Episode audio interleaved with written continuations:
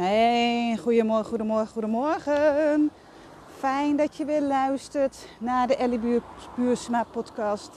Ik heb de kinderen net naar school gebracht en ik moet zeggen dat mijn gedachten al een paar dagen alweer teruggaan naar de bevalling van de tweeling. En, uh, want dat gebeurt eigenlijk altijd bij mij als ze bijna jarig zijn. En aanstaande donderdag worden ze vijf jaar. En dan ga ik eigenlijk altijd weer terug. En dan denk ik, oh, wat gaat het weer snel. En dat is echt cliché. Maar het gaat zo, zo, zo snel. En ik heb ook innerlijk werk gedaan op de bevalling. Want de bevalling ging eigenlijk best heel goed. Alleen ik had zoveel bloed verloren. En de kinderen die wilden op een andere manier eruit. Ik heb echt een hele mooie natuurlijke bevalling gehad. Maar er waren nog wel stukken wat me elke keer nog raakte. Dat is voor jou ook de uitnodiging. Als er elke keer weer iets naar boven komt wat echt raakt.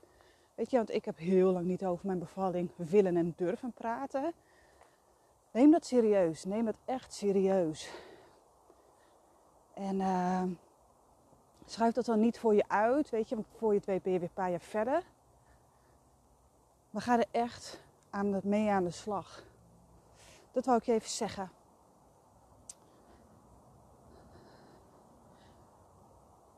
Er komen best wel veel mensen bij mij in mijn praktijk. En die zeggen tegen mij: Ellie, er klopt iets helemaal niet. Ik heb een bepaald gevoel, het lukt niet, er gaat iets niet helemaal goed. Uh, ik heb moeite met intimiteit met mijn partner. Uh, als hij me aanraakt, dan schrik ik al. Weet je, en dat is helemaal niks voor mij. Ik, en er is ook helemaal niks mis met onze relatie. het gaat gewoon niet. Ik blokkeer, ik word ook boos. Ik heb geen idee waar het vandaan komt, maar. En dan geef ik ook aan, is dat er als er iets niet verwerkt is, bijvoorbeeld de vrouwenlijn, ik pak er nu even de vrouwenlijn. Dat kan zijn je moeder, je oma, je overgrootoma of de generaties daar nog voor. Dan kan het zijn dat jij daar nog last van hebt. Ja, zo werkt het. Zo werkt het. Dus ik geef je een voorbeeld. Jij hebt bijvoorbeeld in gesprekken met jouw partner, kan je heel boos worden. Dat je echt geraakt wordt. Echt dat je hart bijna pijn doet. En wat ga je doen? Je gaat vechten, je gaat vluchten, weer vriezen.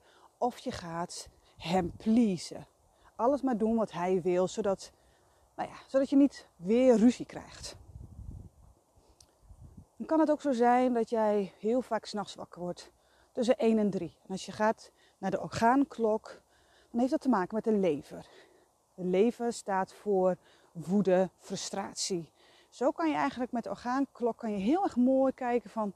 Hé, maar wanneer word je nou best wel vaak wakker? En dan kan het zijn dat die orgaan te actief is of juist niet. Kan je ook heel erg mooi kan je ermee aan de slag met de nijsessie kan je daar vanuit de ingang creëren om aan de slag te gaan met zo'n sessie. Is echt, echt heel erg mooi. Vaak dan, soms heb je niet echt een hulpvraag, maar wel van hé, hey, maar ik word wel heel vaak rond dat tijdstip wakker. En dat zegt, kan heel veel zeggen. dus je vliegt de pan uit, je bent heel vaak boos en je wordt heel vaak wakker op dezelfde tijdstip. Het hoeft niet zo zijn dat je al die drie hebt. Maar ik geef even in dit voorbeeld aan wat het allemaal kan zijn.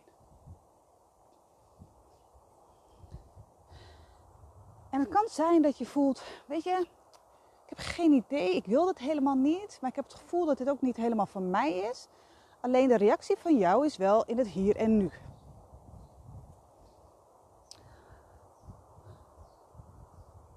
Maar dan kan het zijn dat het gevoel die opgekropte woede, dat die ergens is begonnen.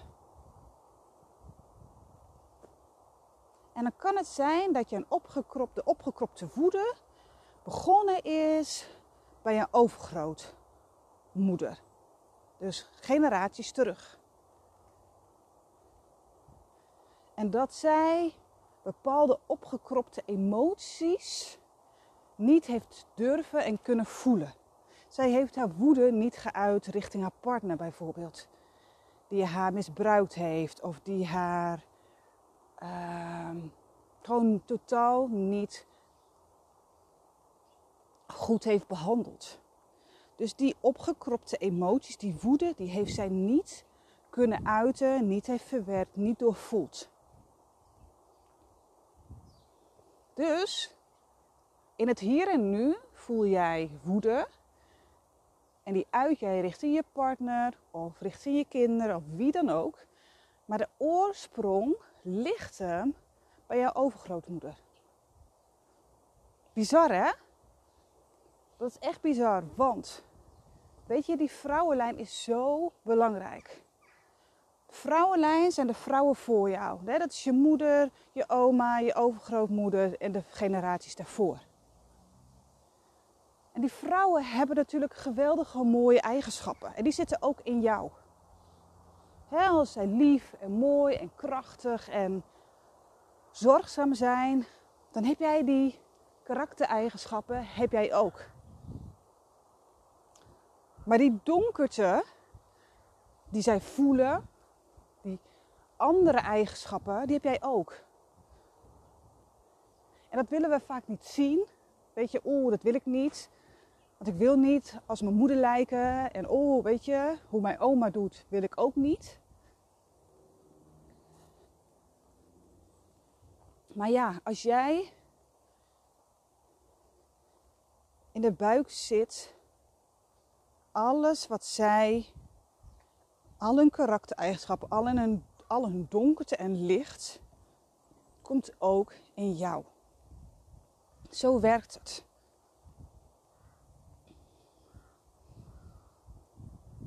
Daarom is heling van de, van de baarmoeder vooral, maar ook van de vrouwenlijn zo belangrijk. Want je kan generaties terug. En dan denk je wel misschien, ja, maar waarom hebben zij hun dingen niet aangekeken? Nou, het kon zijn dat ze het niet konden. Het kon zijn dat ze niet durfden. Maar het kon ook zijn dat het hun taak niet was. Dat het iemands anders taak is om dit op te lossen. Ja, en dan komt het bij jou. Dus dan kan jij zeggen: nee, dat doe ik niet. Dan schuift het naar de volgende generatie, bijvoorbeeld naar je dochter. Of je zegt: ja, ik ben die cirkelbreker, ik ga het dus wel doen. Wat het mooie is, vooral ook tijdens sessies van mij, is dat je echt naar die kernoorzaak gaat. Want als jij aan de slag gaat met die boosheid van jezelf, En niet met de boosheid, de opgekropte boosheid van je overgrootmoeder. Dan verandert er wel iets, maar niet alles. Die emotie blijft nog steeds in jou. En die emotie die gaat nog steeds over naar de volgende generatie. En dat vind ik dus het mooie, is als je het echt gaat ontwortelen, noem je dat. Dat je echt gewoon resultaat ziet. Dat je echt merkt, weet je wat, ik word rustiger. Oh, weet je, ik voel dat niet allemaal die woede en frustratie in mijn lijf. Oh, weet je wat, ik slaap nu gewoon door tussen 1 en 3. Oh, ik heb een betere verbinding met mijn partner of met mijn kinderen. Oh, ik voel veel meer rust in mijn lijf. Zo werkt dat. En wat ik heel vaak zie, is dat er gepraat wordt. Maar bij praten kom je niet, ja, kom je misschien wel achter waar jij op dit moment last van hebt. Maar met praten kom je nooit echt naar de kernoorzaak. Die kernoorzaak van die overgrootmoeder, die bijvoorbeeld in een rotterrelatie zat en daar enorm veel emoties nog in voelt. Ja, dan denk je misschien, ja, maar mijn overgrootmoeder die is overleden. Ja, maar dat maakt niet uit. Ik zie zulke mooie resultaten met visualisaties, meditaties, opstellingen of tijdens een nij. Als je echt contact maakt met je overgrootmoeder, dat er zulke mooie dingen gebeuren. Dat ze je bijvoorbeeld dingen nog wil zeggen tegen jou. Maar het kan ook zo zijn dat ze dingen nog gewoon wil zeggen. En dat ze daardoor rust krijgt. Zo van, hé, het is gezien, het is gehoord, ik ben gezien, ik ben gehoord. Het is klaar. En dan ga jij nog steeds meer die rust ervaren. Ik heb dat bij klanten gezien. Ik heb dat ook zelf ervaren. En ik wist ook eerst helemaal niet dat het allemaal zo kon. Want ik ben vroeger ook bij die reguliere therapie geweest. En weet je, wij zijn pijnvermijdende wezens. Dus met praten, ik geloof gewoon heel veel dus niet in praten. Weet je, want je gaat niet helemaal naar die pijn. Je brein die zegt, nee, dat gaan we allemaal niet doen. Die pijn hebben we al zo lang weggestopt. Nee, gaan we niet doen. Of je moet echt een hele goede therapeut hebben. Die overal doorheen prikt. Maar dan nog zegt je brein, nee. Die kist blijft dicht. Ik wil dat niet. Ik kan dat niet. Ik durf dat niet. Want wat heeft het nou voor zin? En die hoor ik heel vaak. Wat heeft het nou voor zin om het allemaal op te rakelen? Want het is al zo lang geleden. heb ik ook heel erg bedacht. En gedacht. Maar voor mij, voor heel veel mensen, is dat een overlevingsmechanisme. We vermijden, vluchten. Want het heeft namelijk juist wel zin, wat ik net al zei, om die kist dus wel open te doen. Die kist open te doen voor jezelf, voor de generaties voor jou en de generaties na jou. Als jij je shit opruimt, hoeven jouw kinderen en hun kinderen dat niet te doen. Wat mijn klanten, en ik heb het zelf ook ervaren, is dat je veel lichter wordt. Dat die last van je schouders afvalt. Dat je voelt, oh weet je, ik hoef niet meer voor de rest te zorgen. Poeh, deze last, die mag ik loslaten. En dat is ook wat je echt doet met de sessies. Echt loslaten. je kan het pas loslaten als je het echt hebt vastgepakt. Als je het echt hebt doorvoeld. Dan kan je het loslaten. echt naar de wortel. Echt, echt naar de wortel. En weet je wat er kan gebeuren? Ik heb gisteren ook namelijk nog een nijsessie voor mezelf gedaan. Is dat nijsessie, maar eigenlijk al mijn sessies wel, is dat het werkt. Ik geloof er echt in, het werkt ook echt. Maar hoe dieper, hoe vaster het trauma zit wel, hoe langer het duurt voordat je, nou ja, het echt natuurlijk merkt. Maar gisteren heb ik een nijsessie gedaan. En ik heb woede en frustratie losgelaten van een paar generaties terug. En natuurlijk van het hier en nu. En ik werd zo moe. Ik werd zo, zo moe. Mijn ogen, die wilden dicht. En mijn bekken, die ging ontspannen. Ik zakte mijn lijf. Ik voelde mijn lever, ja die voelde ik dan ook, die werd enorm koud en er kwam allemaal spanning uit. En ik vroeg ook aan mezelf, is dit fijne, fijne moeheid? Ja, jij ontspant. Want weet je wat er gebeurde? Is dat mijn systeem niet meer hoefde te vechten. Die hoeft niet meer alert te zijn. Die hoeft niet meer te vechten.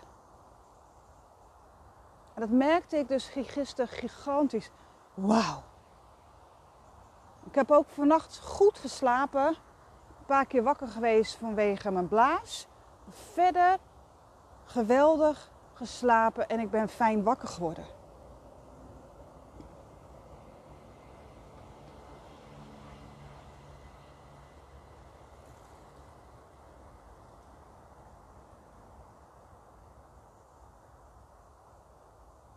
Zo werkt het. zo klinkt het natuurlijk heel makkelijk en dat is het natuurlijk helemaal niet. Het gaat om dus beslissing te nemen. Wil je die cirkelbreker zijn, ja of nee? Wil je dat kistje af en toe openen of laat je hem echt heel erg dicht? En weet je wat het is? Dat kost enorm veel energie. Heel veel mensen bij mij die zeggen, oh ik ben zo moe. Dan zeg ik, maar wat houdt jou, waar ben je dan, waar ben je mee bezig dan? Wat hou jij constant onder water? Wat mag er niet gezien en gehoord worden? En voor de ene is dat de waarheid, voor de ander zijn het emoties, voor de ander is het weer wat anders. Maar ik kan je zeggen dat het enorm veel oplucht, bevrijdend werkt. Als je die last van je schouders laat vallen. Als je het kistje beetje voor beetje open gaat doen. En dat gaat op jouw tempo. Je krijgt wat je nodig hebt. Dus heel veel mensen die zeggen dan ook, ja, maar weet je, ik, ik ga het maar niet doen, want oh, dan gaat het hele kistje direct open. Daar geloof ik niet in. Jij krijgt wat jij op dat moment aan kan. Zo werkt het. Dus als jij voelt dat er iets aan de hand is, jij voelt dat je iets mag aankijken wat heel groot is, dan zijn we soms bang voor de angst. We hebben angst voor de angst. Die had ik ook. Oeh, wat nou als alles in één keer eruit springt?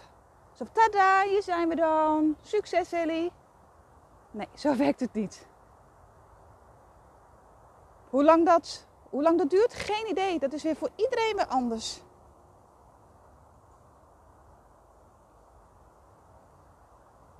Dus de vraag is, waar ben jij bang voor? Of waar is iemand in jouw familiesysteem bang voor? Want weet je wat het kan zijn? Is dat jij ergens mee aan de slag gaat.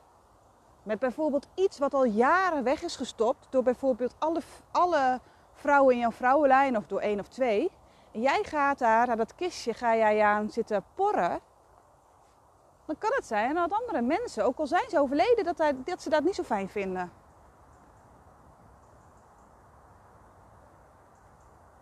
Zo van, oeh, hallo, dit willen we niet. Dit is al zo lang weggestopt. En dan is het heel erg bij jezelf blijven.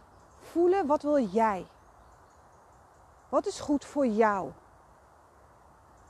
Jij kan het aan. Jij kan het aan. Weet je, en iedereen wordt wel getriggerd. Iedereen wordt wel een paar keer op een dag getriggerd. Of misschien wel honderden keer op een dag. De vraag is, wat doe je ermee? Wil je die triggers jouw leven bepalen? Wil je steeds ruzie hebben met je partner? Wil jij steeds boos zijn op je kinderen en waarvan je denkt: shit, had ik toch anders moeten aanpakken? Of dat je misschien schuldgevoelens hebt. Van verdorie, ben ik nou wel een goede moeder? Of jeetje, ik lijk ook wel heel erg op mijn moeder.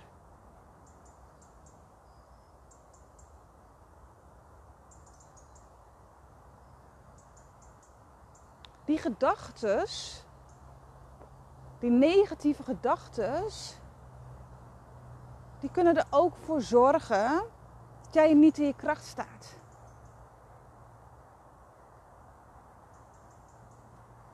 Dus ga alsjeblieft in je kracht staan, lief mooi mens. Wees lief voor jezelf. Want waarschijnlijk ben jij lief voor heel veel mensen om je heen. Maar ben je ook lief voor jezelf? Voor mij is lief zijn voor mezelf, is wandelen. En vooral echt één of twee keer op een dag gaan zitten. En mezelf helemaal ehm, ja, de hemel in prijzen. Zitten en tegen mezelf zeggen wat ik allemaal goed heb gedaan. En mijn brein en mijn lijf vinden dat geweldig. En dan niet de dingen zeggen van, nou ja, maar ik moet toch maar wat zeggen. Nee, die je echt voelt. Wat ik en misschien heel veel anderen, die zijn heel snel geneigd om het alles vanzelfsprekend te zien. Of te denken aan het negatieve. Eén of twee keer per dag voelen. Weet je, je kan het ook opschrijven, maar voelen. Verdorie, ik doe zoveel dingen op een dag goed. En weet je wat het mooie is? Dan hoef je het niet, die complimenten, die liefde bij iemand anders te halen. het is mooi dat iemand dan een compliment tegen je kan geven. Dat je die dan ook kan ontvangen. Maar dat je echt het voelt.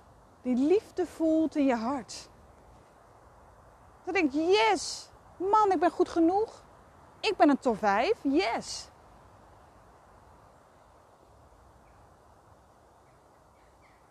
Dus lief mooi mens, keer naar binnen. Wees eerlijk over wat, welke triggers waar jij tegenaan loopt. ga daarmee aan de slag. Jij en de generatie voor jou en jouw kinderen of hun kinderen zullen daar enorm blij mee zijn. Dankjewel voor het luisteren en ik wens je een hele fijne week.